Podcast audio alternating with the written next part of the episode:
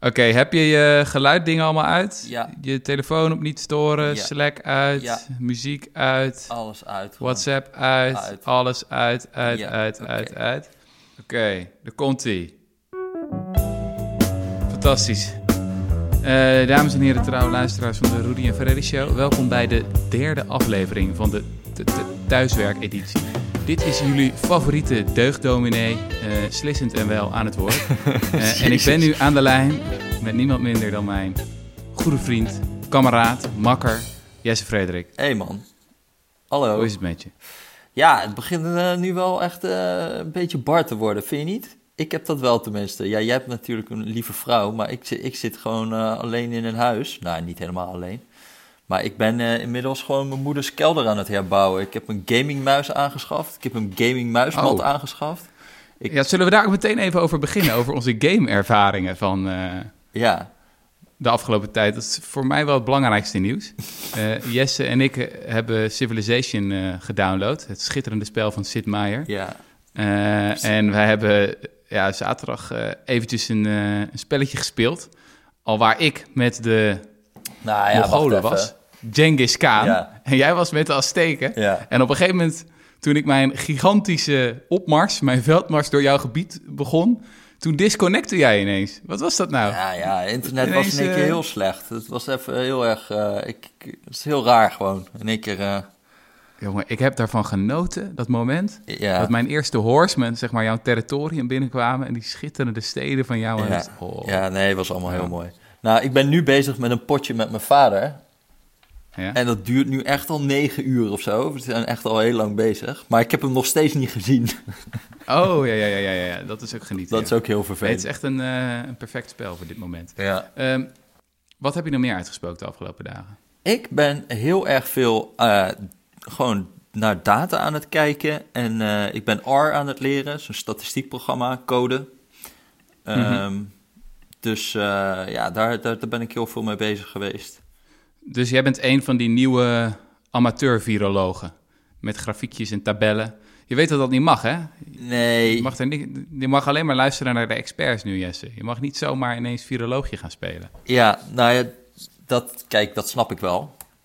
Eh, van er is natuurlijk wel echte expertise. Maar ik begon me daar eigenlijk eerlijk gezegd ook wel een klein beetje aan te ergeren. Dat dan in, iedereen, in één keer iedereen gaat zeggen van... Je bent geen epidemioloog, je bent het RIVM niet, dus houd je kop maar. Ehm, en zoiets van, dat, dat, er was zo'n artikel in NRC, die vond ik trouwens best wel goed hoor. Maar daar was het ook een beetje van de hele tijd van die smaakwoordjes van hypercomplexe berekeningen die ze maken bij het RIVM, waar toch eigenlijk een beetje de sfeer uitsprak van. eh, dus ga maar niet zelf rekenen, want dit is gewoon te, te ingewikkeld voor jullie. Ja, dan Mhm. denk ik toch, dat vind ik een beetje jammer. Want je wilt toch ook als journalist juist gewoon een beetje proberen uit te leggen wat er dan wordt verondersteld, hoe die modellen precies werken. En nou krijg je heel vaak dat het dan gewoon wordt gezegd: dit is complex, laat het aan de experts over. Dat vind ik toch een beetje een zwaktebod. Ik, in ieder geval, ik probeer een beetje te begrijpen wat er allemaal nou ja, in die modellen omgaat. Dat is echt niet makkelijk. En ik ben ook wel dat ik Ja. denk van ja, ik heb hier helemaal geen ervaring mee of zo. Maar het is toch, eh, lijkt mij nu wel belangrijk. Ik bedoel, moet, Ja. moet niet Nou, denken net dat als je met het het- kan, maar Centraal Planbureau, ik bedoel, daarvan zullen wij ook niet alle modellen helemaal precies kunnen doorgronden. Maar in normale tijden zijn we ook kritisch over eh, berekeningen die het CPB maakt. Als het bijvoorbeeld gaat over dit is het effect van deze belastingmaatregel op de werkgelegenheid. Of werkt eh, het wel of niet om uitkeringen te verhogen of te verlagen, al dat soort dingen. En dat komt omdat je natuurlijk kritisch kan zijn over de veronderstellingen en over hoe zeker bepaalde uitspraken worden gedaan. ja, Het viel mij ook op dat je had die enorm invloedrijke studie van het Imperial College in, eh, in Londen. ja, Dat was, als ik het wel heb, vorige week maandag. We moeten trouwens nog even zeggen, we nemen dus deze podcast op op woensdag. 11 uur. 25 maart, 11 uur 16 is het momenteel. Eh, al heb ik het idee dat de tijd wel iets minder aan, sneller aan het verstrijken nu is dan, eh, Ja, dan vorige week. klopt. Nu voelt elke dag een beetje als een, als een maand. Maar vorige week was het echt een jaar. Ja, ja, ja, ja. Ja. Maar in ieder geval, die heel invloedrijke studie van het Imperial College, dat was echt een, echt een shocking studie. Eh, dat eigenlijk voorrekenen van hoeveel slachtoffers er wel niet zouden kunnen vallen. En dat zelfs als je maximaal inzet op flattening the curve, dat dan alsnog de intensive cares overspoeld zullen worden.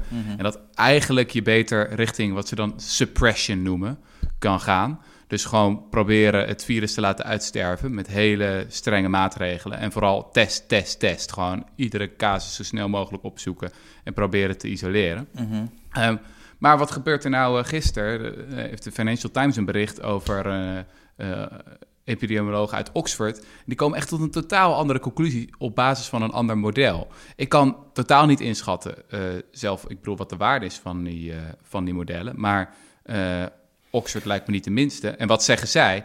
het zou kunnen dat tot wel een helft van de Britse bevolking al het virus heeft. wat zou betekenen dat uh, veel minder mensen dan gedacht naar het ziekenhuis zouden moeten met het virus.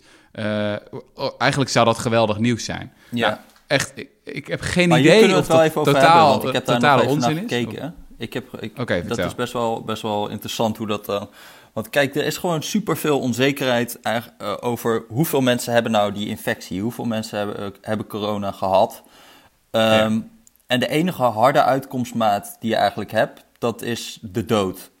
Dat klinkt een beetje cru, maar dat is zo. Dan weet je in ieder geval, kijk, mensen die dood zijn gegaan aan corona, dat neem je wel waar.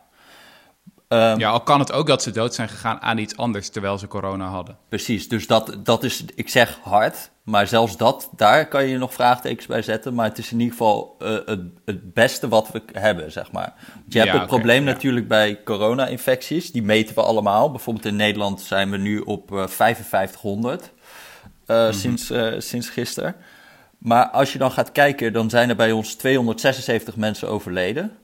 Dus dat zou zeggen ongeveer een death rate van 5%. Wat extreem mm-hmm. hoog is, vergeleken met mm-hmm. bijvoorbeeld Duitsland, waar het alweer 0,5% is. Maar dat komt natuurlijk ja. omdat ze in Duitsland veel meer testen. Uh, waardoor je ook veel meer van die mensen waarneemt. Dus wij we, we weten in ieder geval dat we in Nederland lang niet alle mensen die geïnfecteerd zijn waarnemen. Nou, wat proberen ze nou in die, in die studie van Oxford? Proberen ze te zeggen van aan de hand van die death rate, we weten hoeveel mensen doodgaan aan corona, proberen ze terug te rekenen hoeveel mensen zouden dan geïnfecteerd kunnen zijn. En nu is de soort van de krantenkop is uh, de helft zou wel besmet kunnen zijn. Maar dat is mm-hmm. één van de scenario's die zij schetsen. Zij gaan doen gewoon verschillende veronderstellingen over. Stel nu dat maar 0,1% van de mensen doodgaat aan corona. Dat is een veronderstelling. Dan zou het zo zijn dat al de helft van de bevolking besmet moet zijn.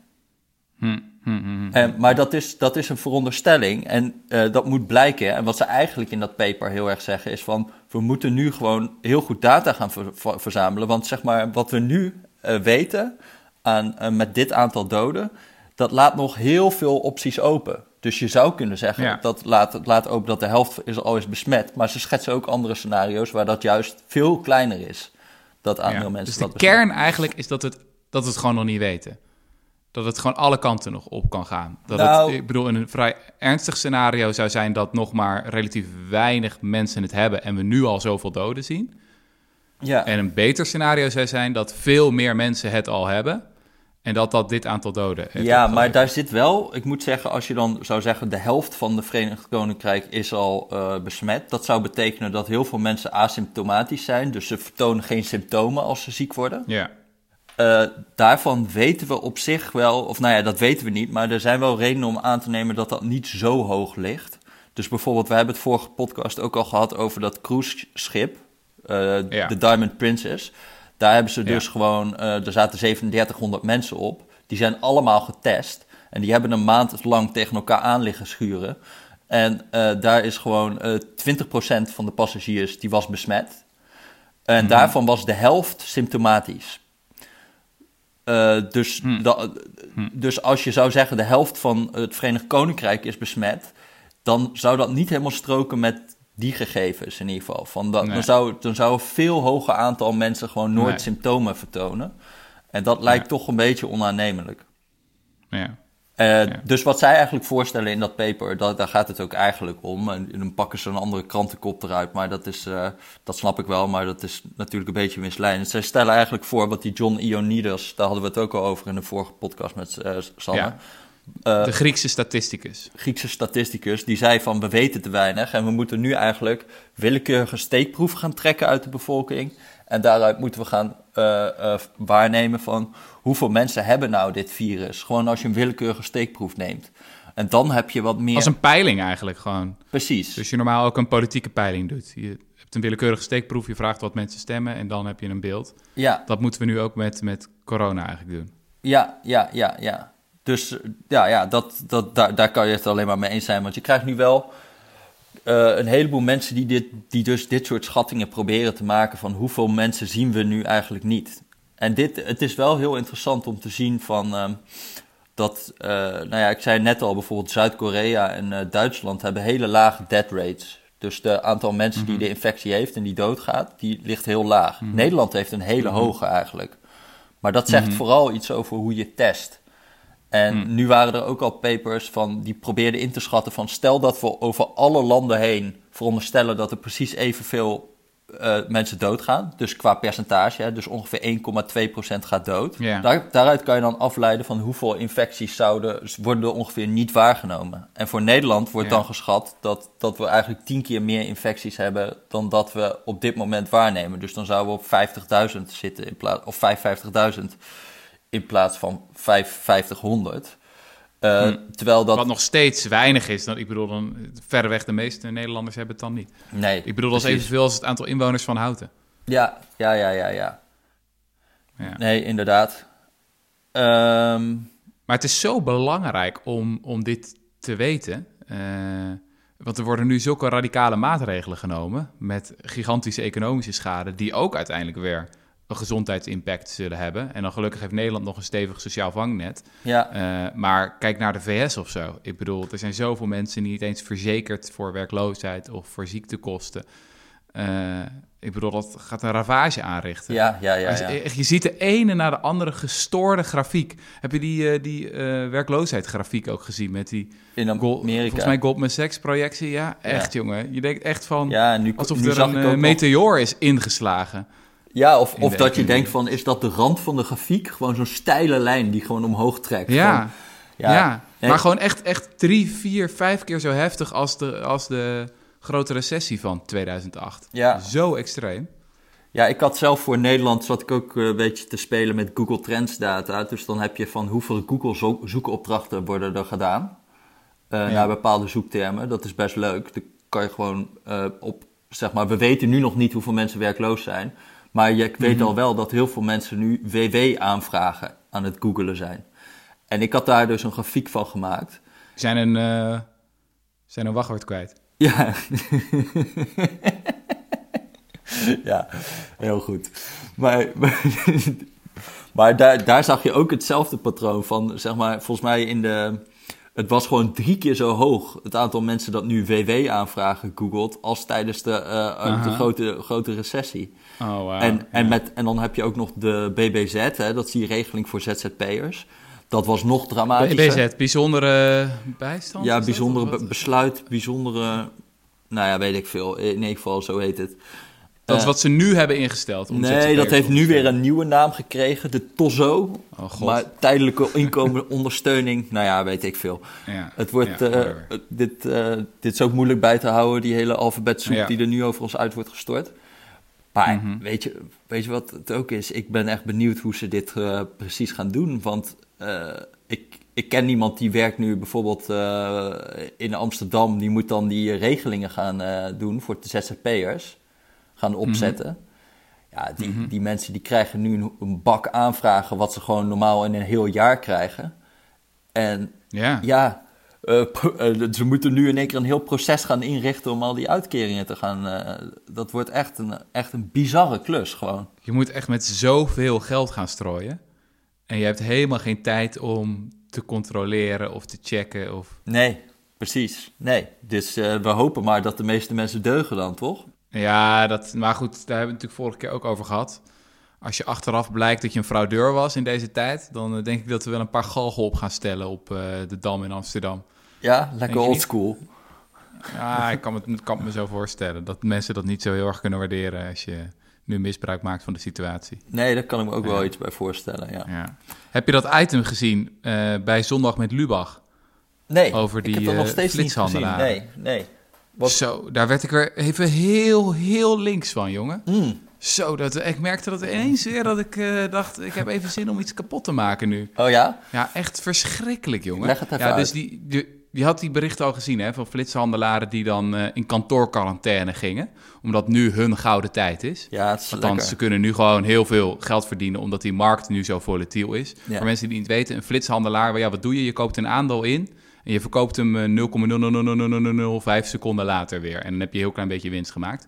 Dit is volkomen nutteloos. Geen enkel maatschappelijk nut, maar je kan er schat... Liquiditeit, hè? Ja, flikker op. Geloof jij dat echt? Geloof jij echt dat er enig nut is? Nee, daar geloof ik eigenlijk ook niet in. Nee, ja, het is gewoon, het is gewoon wil jij kunnen handelen op 0,00001 1, 1 seconde? Ja, Ja, whatever. het ook. Het Wacht een seconde, dan is het ook goed. Parasieten. Gewoon, zeg maar, wat piraten waren in de 17e eeuw, dat zijn zij. Gewoon volkomen nutteloos. Maar het ergste is nog, die gasten die daar werken, die zijn ook vreselijk slim, jongen. Je zegt dan van, van die beelden, van allemaal van die, van die gasten van onze leeftijd. Misschien wel, en ik bedoel, dat zou echt pijn doen in mijn hart, misschien wel luisteraars van de Rudy en Freddy Show. Oh. Die daar werken bij bedrijven als, als Optiver en Flow Traders en dat soort, dat soort dingen. Die- Een half miljoen per medewerker per jaar gemiddeld verdienen ze. En weet je wanneer ik echt stuk ging? De- Die winnen dus ook de wiskunde-olympiade, jaar na jaar na jaar. Dan denk je toch echt gewoon, de verspilling van talent. Ja, Wat ben ja, je in vredesnaam aan het doen met je leven? Jij bent op het moment dat verpleegkundigen, dokters, schoonmakers... in de frontlinie tegen het coronavirus zich de naad uitwerken... zit jij in je kantoortje, in je tentje... Ja. zit je te graaien en te harken. Oh, wat werd ik hier links van, jongen. Oei, oei, oei, oei. Ja, echt, En kunnen we dat echt nu Oei, meteen oei, per decreet verbieden? Dat kan je toch gewoon onmogelijk maken met een... wat is het? Ja. Een, eh, een transactietax. Gewoon één, één simpel belastingje op transacties. Klaar. Ja. En daarna hoppatee naar de Dam met al die gasten. nou ja, nee. Ze zitten al Ja, bijna jongen, op de dam, hè? Ze zitten al bijna Opsluiten op Texel. Echt, daar word ik... op. Dit is, wel, eh, dit is wel inderdaad een links verhaal wat je hier aan het houden bent. Ja, maar, Maar weet je wat kan je leuk nou was? met jezelf leven? Dat is toch dat je zo getalenteerd bent, zo, zo slim, weet je wel?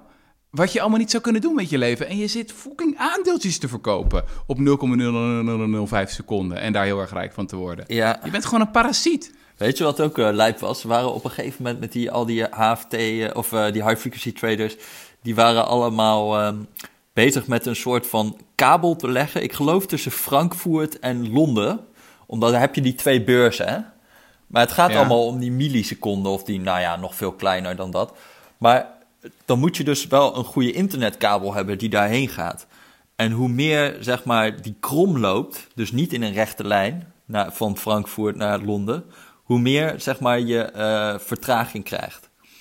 Dus toen zijn ze gewoon echt, ik weet niet meer hoeveel, maar het liep echt in de tientallen miljoenen, misschien wel honderden miljoenen, om een kabel te hebben die gewoon heel recht ligt tussen Frankfurt en Londen, zodat ze Ja. gewoon lagere vertraging hebben. Ja, ongelooflijk. Wat de fuck heb je daar nou weer aan? Ja, ja, daar wordt echt de maatschappij gewoon echt geen ene snars beter van. Helemaal niks beter van. Ja, het Nee. is echt zo verdrietig. je Dit ervan. was eh, wel... Nee, het, het is wel echt zo van eh, dat een, zo'n crisis als deze legt dit soort dingen zo pijnlijk bloot over hoe nutteloos sommige mensen zijn en over hoe, hoe belangrijk andere mensen zijn. Ah, Ja, ja, ja, ja, Rudy. ja.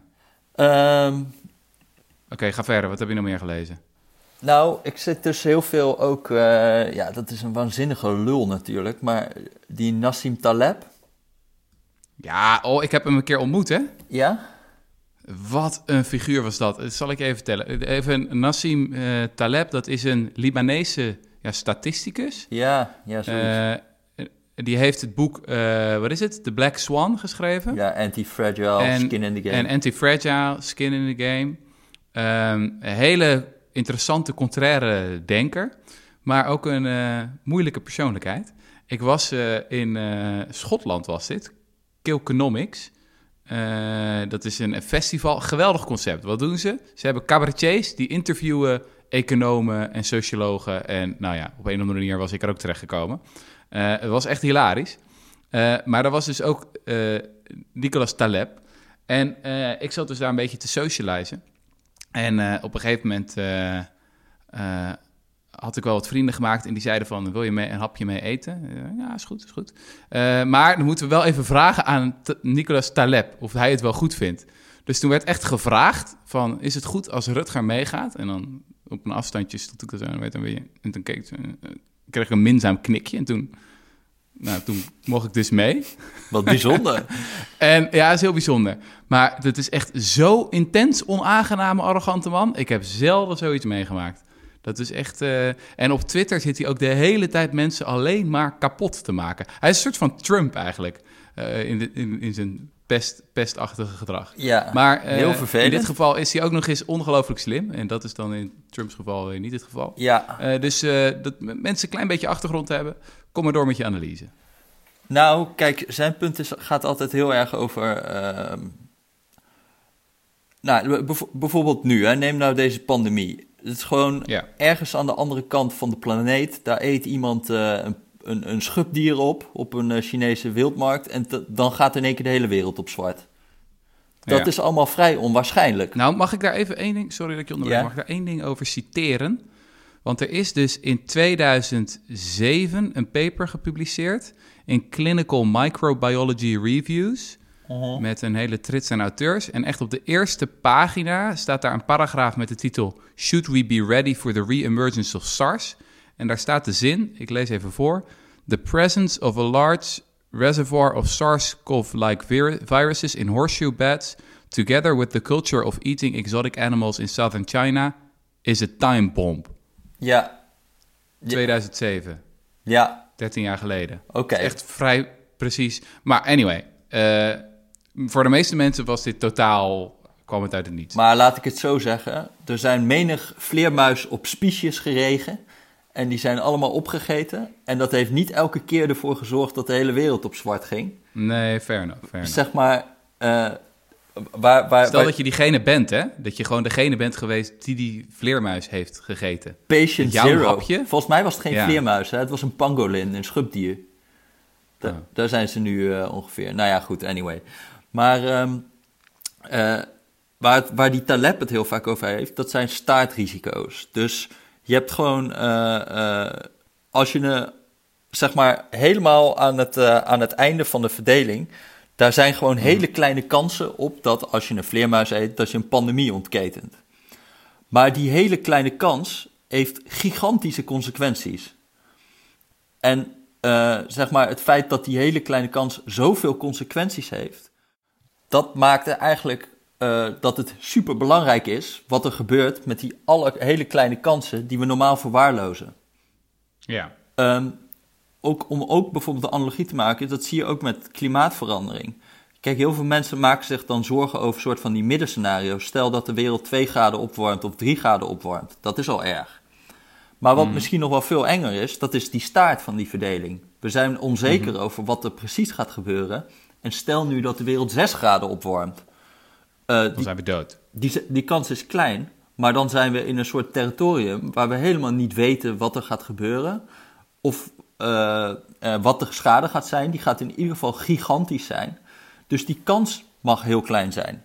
Hetzelfde Ja, en als... daar wil je eigenlijk tegen verzekeren. Net als in een persoonlijk leven, toch? Dat, je, bedoel, je moet je volgens economen vooral verzekeren tegen kleine risico's met hele grote consequenties die je niet kan dragen. Dus je gaat Ja. niet je iPhone verzekeren als je hem aanschaft. Want ja, dat is rot als die, als die kapot gaat en als je hem kwijt bent. Maar daar ga je niet failliet aan. En je kan al wel een telefoon van iemand anders lenen of even een goedkoper model of weer sparen voor een nieuwe. Maar daar ga je niet aan ten onder. Maar voor je zorg, dat is heel belangrijk dat je wel verzekerd bent. Want als jij ineens ziek wordt en ineens, weet ik veel, kanker hebt of zoiets. Mhm. Ja, je kan die behandeling nooit zelf betalen. Dus je moet daarvoor verzekerd zijn. Of bijvoorbeeld ook je huis, dat moet je ook verzekeren. Dus het zijn allemaal veel kleinere kansen dan dat je je iPhone kwijtraakt. Wat vaker zal gebeuren. Maar juist daarvoor moet je je verzekering hebben. Want de- het, En eigenlijk is dat op maatschappelijk niveau dus ook zo. Ja, eh, zo, die, die manier van denken, die hebben we eigenlijk helemaal niet zo heel erg met alles. Van de, dat, er, dat er zulke grote staartrisico's kleven aan onze manier van leven. Bijvoorbeeld dat we nou eigenlijk altijd als rijke westerling gewoon een vliegtuig in konden hoppen en aan de andere kant van de wereld uitstappen. Of dat we die hele industriële landbouw hebben. Daar zitten dus soort van eh, externaliteiten in, eh, kosten die je eigenlijk bij een ander neerlegt. En dat is het risico op een pandemie.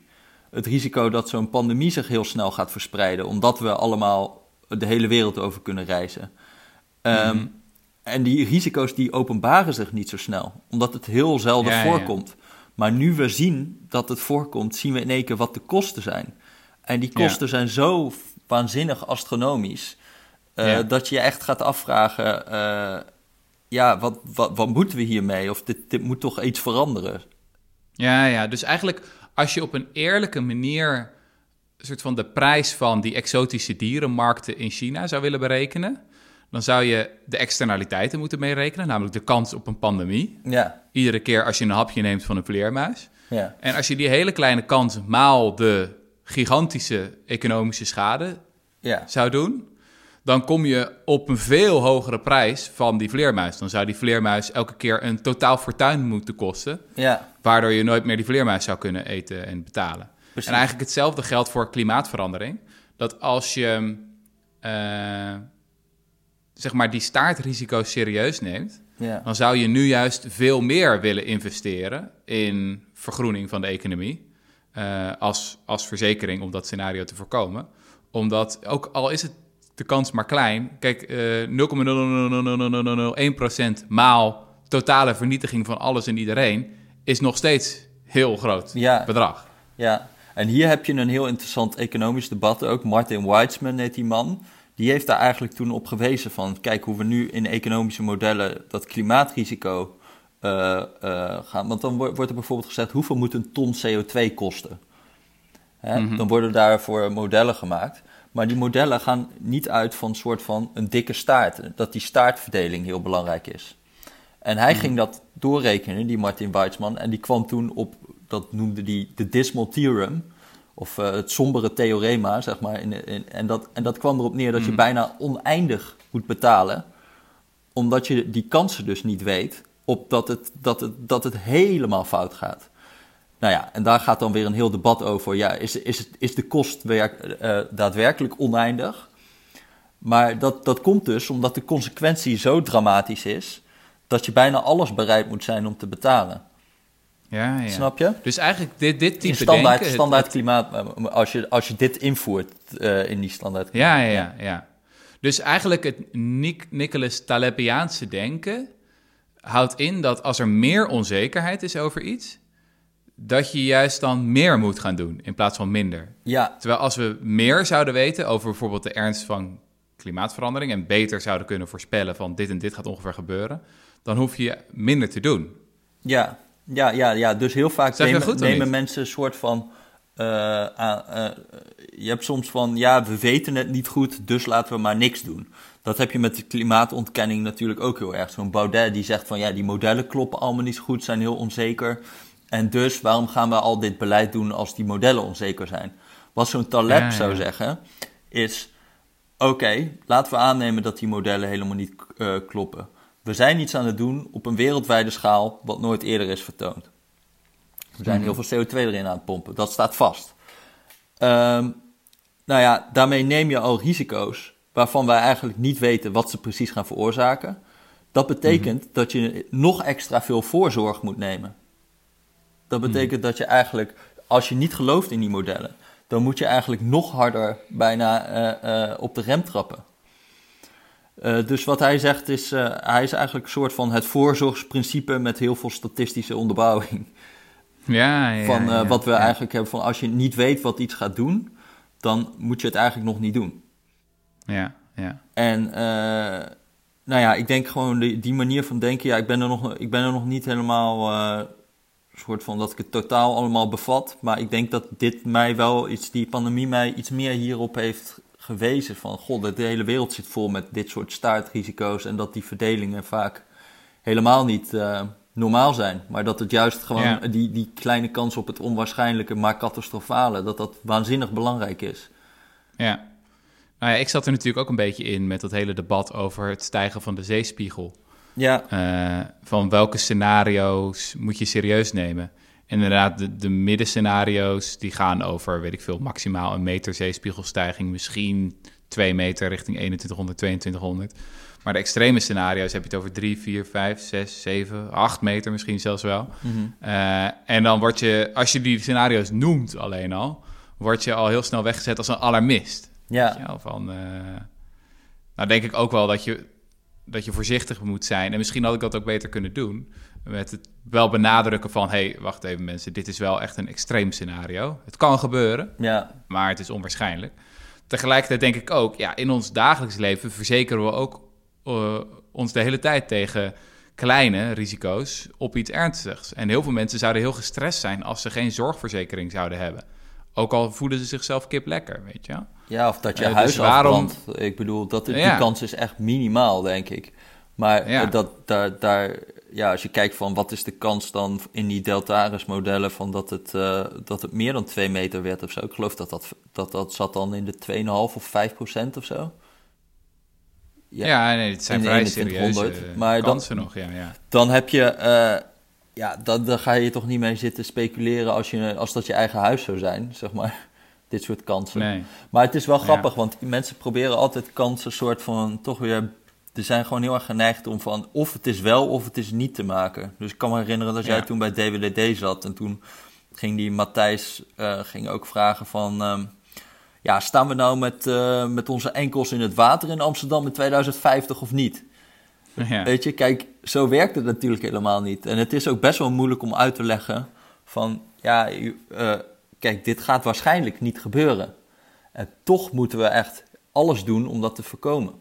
Eh, nu, en nu is dat in één keer heel duidelijk. Bijvoorbeeld, nu gaan mensen waarschijnlijk na deze pandemie in één keer helemaal investeren in allerlei, eh, weet ik veel, om antibiotica-resistente eh, bacteriën toch te kunnen bestrijden. Gaat waarschijnlijk heel veel geld heen nu. Net zoals wij naar de watersnoodramp dat hebben gedaan. Ja, maar dit, ja, ja, maar dit principe is natuurlijk veel breder. Dat we gewoon heel weinig soort van ehm, stilstaan vaak bij die minimale risico's. Zoals atoomoorlog. Kijk, dat, dat is er ook nog steeds allemaal. Daar sta je niet elke dag bij stil. En bij klimaatverandering speelt dit ook al natuurlijk. Ja, ja. Dus ik Heb hoop... jij al een beetje je gedachten laten gaan over die vraag van wat soort van de langere termijn implicaties kunnen zijn van zo'n zwarte zwaan evenement als dit? Of vind je dat echt nog te vroeg om iets over te zeggen? Nou ja, Zwarte Zwaan, jij gaf net al zo'n dat eh, paper aan. Blijkbaar was dit wel redelijk eh, voorspeld. Meer een soort grijze neushoorn dit. eh, maar goed. ja, ja Ehm, inderdaad, ja, ja. Ja. Eh, nou, ja, ik weet. Ik, ik durf daar echt bijna niks over te zeggen hoor. Ik vind het echt best wel moeilijk om te zeggen wat dit allemaal eh, zal veranderen. Ik denk gewoon, Ja. aangezien de soort van omvang van de maatregelen die de overheid nu moet nemen. ehm, ja, het is denk ik net zoals met een oorlog is het vaak ook. Dan komen er waanzinnige maatregelen, die gaan we wel terugschroeven. Maar er blijft ook altijd wat van over. Ja. Van, eh, eh, je hebt die hele geschiedenis van progressieve belastingen en zo. Ja, daar zie je altijd Ja, dat ja, oorlogen En, en, en dergelijke echt breuk, breekpunten zijn. Omdat de hele economie dan in één keer eh, omgevormd wordt. Ja, ik vraag me af of je daar ook zoiets zal zien met pandemieën. Van, Daar ben ik ook zo nieuwsgierig naar. Want over het algemeen zijn oorlogen duwen samenlevingen vaak in de richting van meer gelijkheid en solidariteit. Dat Mhm. is een, een van de belangrijkste factoren als je die ongelijkheidsreeksen van eh, Piketty, onze Franse vriend, eh, bekijken. Ja, dan spelen, de Eerste Wereldoorlog en de Tweede Wereldoorlog een cruciale rol. En het is ook heel interessant als je kijkt naar de landen die neutraal zijn gebleven in de Eerste Wereldoorlog. Die waren veel ongelijker nog. En die werden pas gelijker na de Tweede Wereldoorlog, wat in Nederland is gebeurd. Terwijl landen die meededen in de Eerste Wereldoorlog, die kregen toen en daarna al die hele heftige eh, belastingen, waardoor de ongelijkheid fors werd gedrukt. ja, ja klopt. Ja. wel, eh, ja. Ja, dat Maar ik ook- zat ook een stuk te lezen van onze eh, goede vriend en eh, oud-collega Karel Smouter in NRC. En die had een soort van pleidooi tegen wat hij ideologisch hamsteren noemde. Is dat hij zei van ja, nu gebruikt eigenlijk iedereen deze crisis om zijn eigen ideologische gelijk te bewijzen. Dus de, de gereformeerde prediker, weet je wel, die zegt eh, ja, zie je wel, dit is een straf Ja. van God. ja, ja, ja. Eh, of eh, de, de rechtse doemdenker en omvolkingsgek die zegt... ja, dit is de vermoeide westerse beschaving, zoiets. Mhm. Of de links-radicale zwarte vlag podcast... slissende deugddominee-idioot. die Dat ben zegt, jij, of ja, niet? Ik denk het, ja. Die zegt, ja, dit is de crisis waar we op hebben zitten wachten... en nu kunnen we, weet je wel, een basisinkomen gaan invoeren, et cetera, Ja, et ja, cetera. ja. En dat vond ik wel een goed punt op zich. Ja, dat je echt ook. dat je daar voorzichtig voor moet zijn. Tegelijkertijd dacht ik ook weer een beetje hetzelfde als bij mensen die nu zeggen: als je geen viroloog bent of een epidemioloog, moet je je mond houden. Denk ik ook van, ja, maar wacht even. Deze tijd schreeuwt wel om duiding. En het is wel zo dat, ja, crisis zijn gewoon schiftingsmomenten voor en grote beslissingsmomenten voor samenlevingen. Ja. Ehm, en uh, ja, het is, je hebt natuurlijk dat beroemde boek van, uh, van Naomi Klein, uh, The Shock Doctrine, mm -hmm. waarin ze ook beschrijft van um, um, hoe eigenlijk het neoliberalisme is opgekomen. In de jaren 70, 80 greep het natuurlijk echt de macht, maar dat is natuurlijk veel eerder al begonnen. In de jaren 50 al met de. Ja, het neoliberalisme, Jesse. Um, maar dat, die mensen noemden zichzelf nog neoliberaal. Hè? Later is het een beetje een scheldwoord geworden. Ja, okay. Maar neem figuren als Friedrich van Hayek en Milton Friedman. Die zeiden in de jaren 50, toen zij nog de outcast waren, weet je wel, de gekkies. Zeiden zij van, er komt een crisis, weet je wel. Er komt ooit een moment en dan kunnen wij onze ideeën gaan injecteren. En inderdaad, in de jaren 70 kwam, kwamen de oliecrisis, de stagflatie. En dat werd het moment, weet je wel. En toen kwamen Reagan en Thatcher, et cetera. En uh, toen traden we het neoliberale tijdperk binnen. Um, wat he heel lang nu al de ronde doet in links-progressieve kringen, is het idee dat er weer een crisis zou komen en dat het er nu dan van afhangt van is het ideologische voorwerk gedaan, weet je wel? Mhm. Liggen de ideeën klaar? Um, en op zich, als je een beetje uitzoomt, um, ja, zijn we al wel in een heel andere tijd ten opzichte van uh, 2008 met de financiële crisis, toen het allemaal over bezuinigingen ging.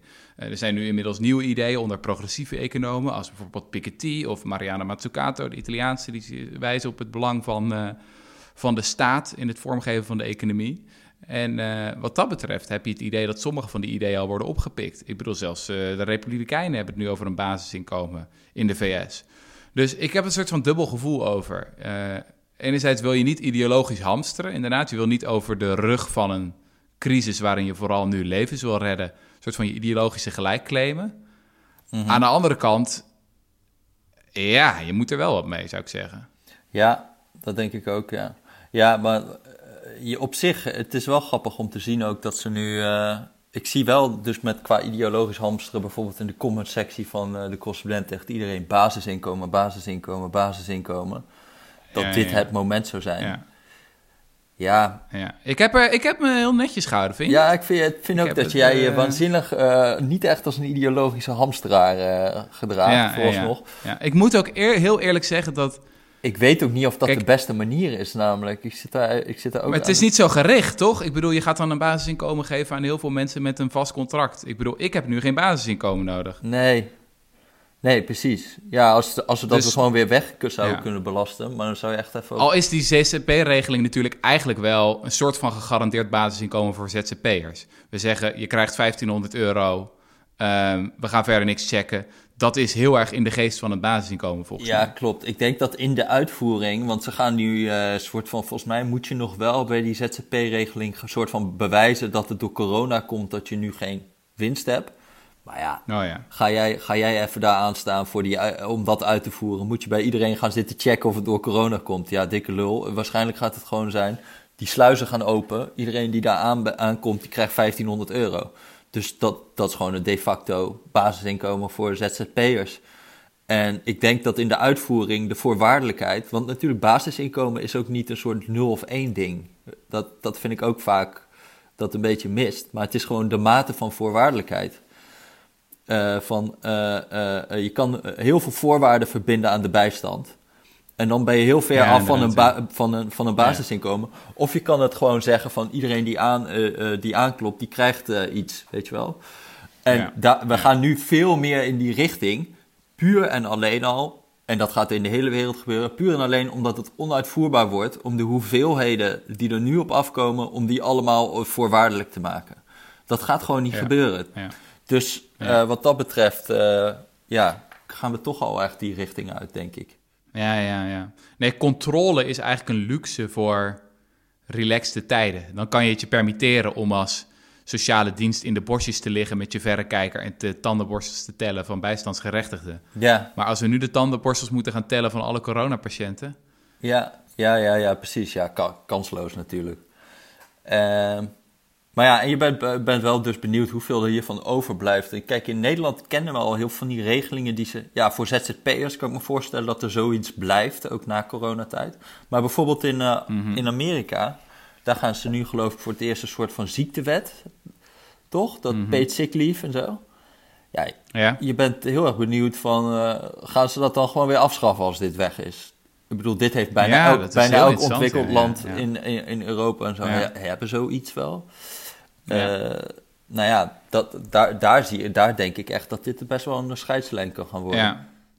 ja, en veel sociale zekerheid die volgens mij over zorg gaat, is daar kom je moeilijk van af als je het eenmaal hebt. Ja. Dus als je eenmaal bijvoorbeeld uh, gegarandeerde gezondheidszorg hebt voor iedereen, dat is zo populair, van links tot rechts daar kom je zelfs als, als, als een conservatieve rechtse slooppoliticus, je, je komt er niet meer vanaf, want je achterban vindt het ook geweldig. Ja. het zijn zelfs de conservatieven in Canada en het Verenigd Koninkrijk die helemaal wauw zijn van hun gezondheidszorg en de NHS en zo. Weet je wel, notabene de Brexit-campagne gebruikte de NHS om te zeggen, weet je wel, we krijgen een betere NHS als we uit de Europese Unie stappen. Ja, en het was Trump ook niet eh. gelukt om die Obamacare weer terug te draaien, uiteindelijk. Nee, ja, ja, dus als het er eenmaal is, dan kom je er moeilijk vanaf. Al denk ik dat dat minder geldt voor uh, inkomensondersteuning.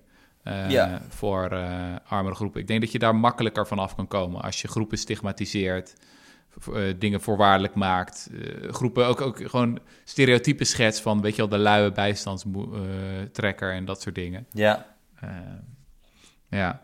Maar dat wordt fascinerend inderdaad, wat de lange termijnsimplicaties zijn. Ja, zeker.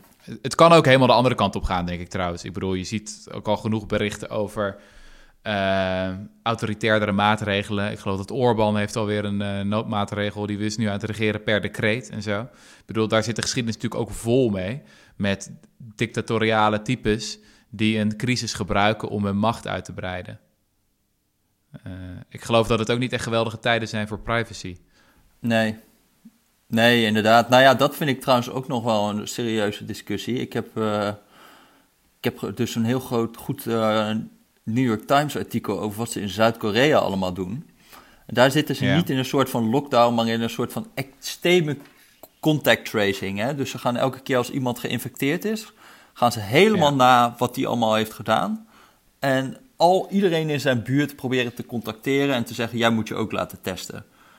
Um, ja. Nou ja, daar zijn ze nu trouwens, daar begint het ook te groot te worden om dat te doen. Maar dat is hoe ze het vooralsnog heel erg hebben gecontained. Maar daar komt een partij privacy schending bij kijken. Dat is niet normaal.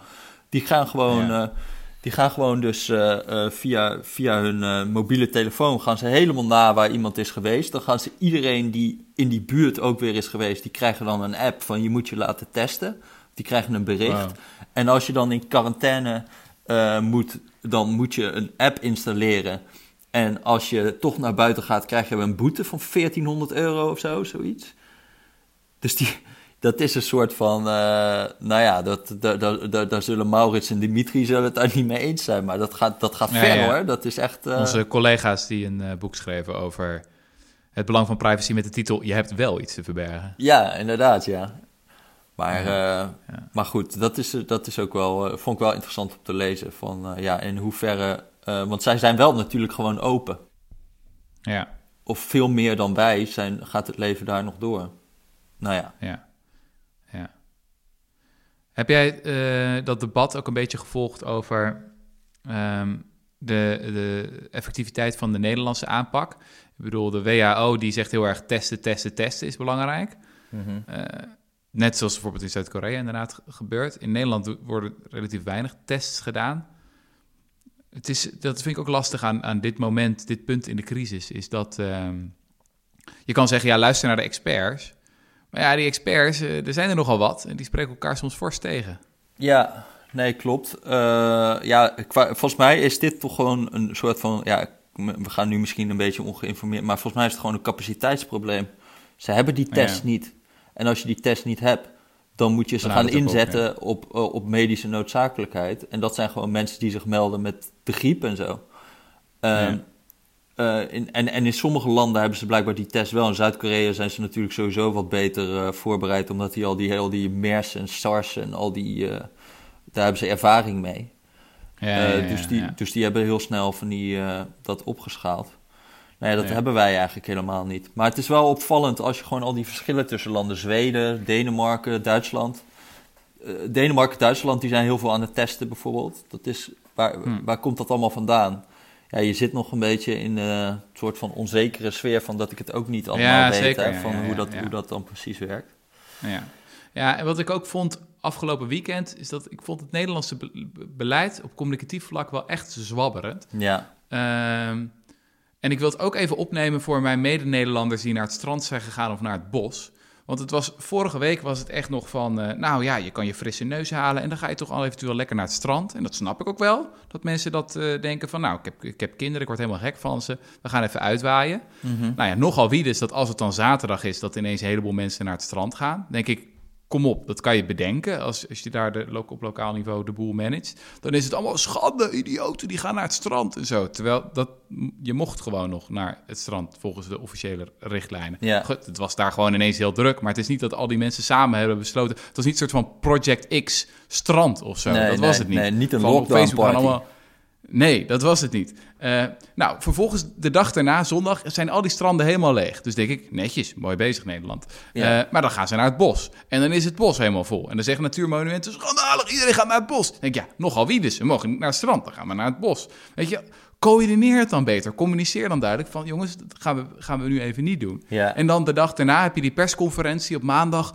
Ja, het is schandalig eh, en ik ben zo geschrokken van het gedrag van mensen en bla bla bla bla bla. Ik denk, kom op zeg. Ja. Echt verreweg de meeste mensen doen hartstikke goed hun best nu om dat virus eh, zoveel mogelijk in te dammen en, en willen doen wat ze kunnen. Ja. Jullie communiceren gewoon knetterslecht.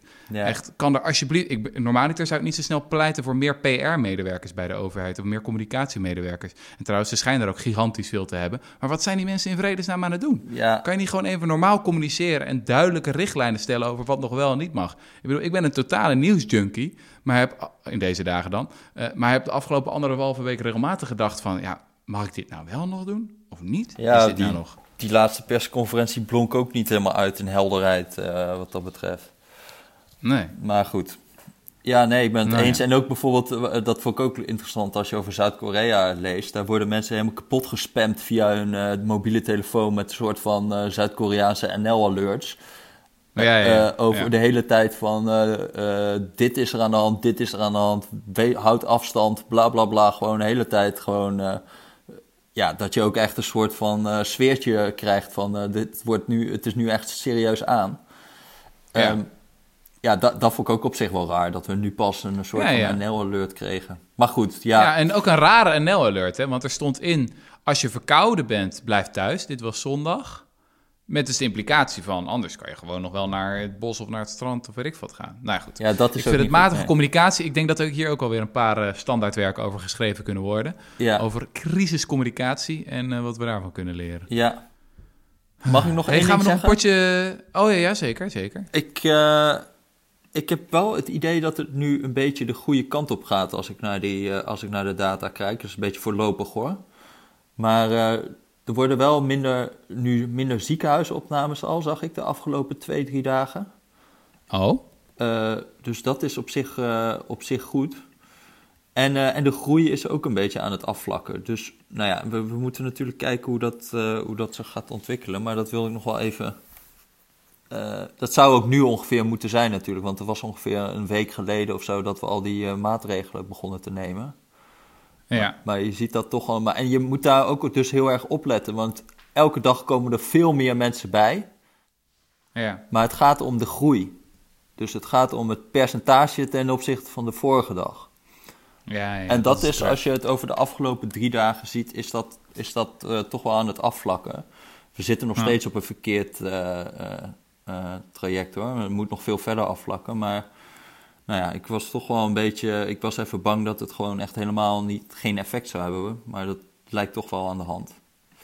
Ja. En wat ik ook interessant vond nog, ik ben nu gewoon wat losse data aan het geven hoor. Maar Kom maar met je losse data. We zijn in het losse data, We zijn losse data. van eh, de podcast. normaal noemen we dit te kort nieuws, maar eh, Nee, ik, kort zat, data ik zat te kijken naar van hoe is die leeftijdsverdeling nou. Mhm. Ehm, van alle coronagevallen eh, die er in Nederland zijn, is 28% is boven de 70. Van Mhm. alle ziekenhuisopnames is 40% boven de 70. En van alle overledenen is 80% boven de 70. Ja. Dus dat vond ik ook nog wel. En, daar, en daarbij komt ook nog dat bijna 90% die had comorbiditeit. Dus die hadden een, eh, een ziekte erbij van de overledenen. Ja, ja, ja. ja. Uh, dan moet bij worden gemeld dat bij de helft van die, van die mensen... er was er helemaal geen informatie over of ze extra ziektes hadden. Dus van de helft van, van wie er informatie was... daarvan had 90% had een extra ziekte. Ja. Ja. Maar dat vond ik toch wel interessant. Ik Ja. denk, ik zeg... Nee, voor de, ja, voor de kans op overlijden is dat wel... Nou ja, voor jonge, frisse types als wij is dat misschien enigszins geruststellend. Aan de andere kant, heel veel van de mensen op die IC's zijn ook wel jonger, toch? En het, het is wel echt een horrorervaring om daar, om daar te liggen. Ja, Terwijl je geen contact mag hebben met, met, met je dierbaren en je aan de beademing ligt. ja. En Nee, ja, wel tuurlijk. echt, nee, eh, het is helemaal niet ter relativering of zo hoor. Maar ik Nee. eh, eh, zeg maar. Eh, ja, nee, en wat, wat ik al zeg, hè, van eh eh 40% van alle zieke, ziekenopnames of eh, ziekenhuisopnames is eh, eh, boven de 70. Dus dat de rest dus niet. Eh, Ja, inderdaad. Dus daar heb je Ja, nog ja, steeds ja. eh, waanzinnig veel. Ja, ja. ja en onze zeer geliefde collega eh, Tamar, die had ook een interview met, wat is het, een IC-arts. Ja, zo. En dat eindigde met de vrolijke woorden, er gaan een heleboel artsen en verpleegkundigen getraumatiseerd raken in de komende tijd. Dat is voorspelbaar. Ja. Ja. Ja, Rudy. En op die vrolijke noot, Ja, precies, ja. Nou, ja. we spreken Eh, elkaar snel weer. Ja, gaan we weer even een potje Civilization doen? Eh, Ja. Gaan we die ene nog afmaken, dat ik jou een hele rijk ook nog kan oprollen? Of is dat, Dat- te pijnlijk voor je? Dat is heel moeilijk, want ik heb dat allemaal niet gesaved. En volgens mij zijn er allerlei, Oh, maar ik wel. Maak je geen zorgen. allerlei ik heb het allemaal opgeslagen, complicaties, ja. waardoor dit gewoon eh, zeer ingewikkeld ligt, eh, als ik heel eerlijk ben. Ehm, Oké, oké, oké. Dus Eh, we beginnen met een nieuwe. daarmee, lieve luisteraars.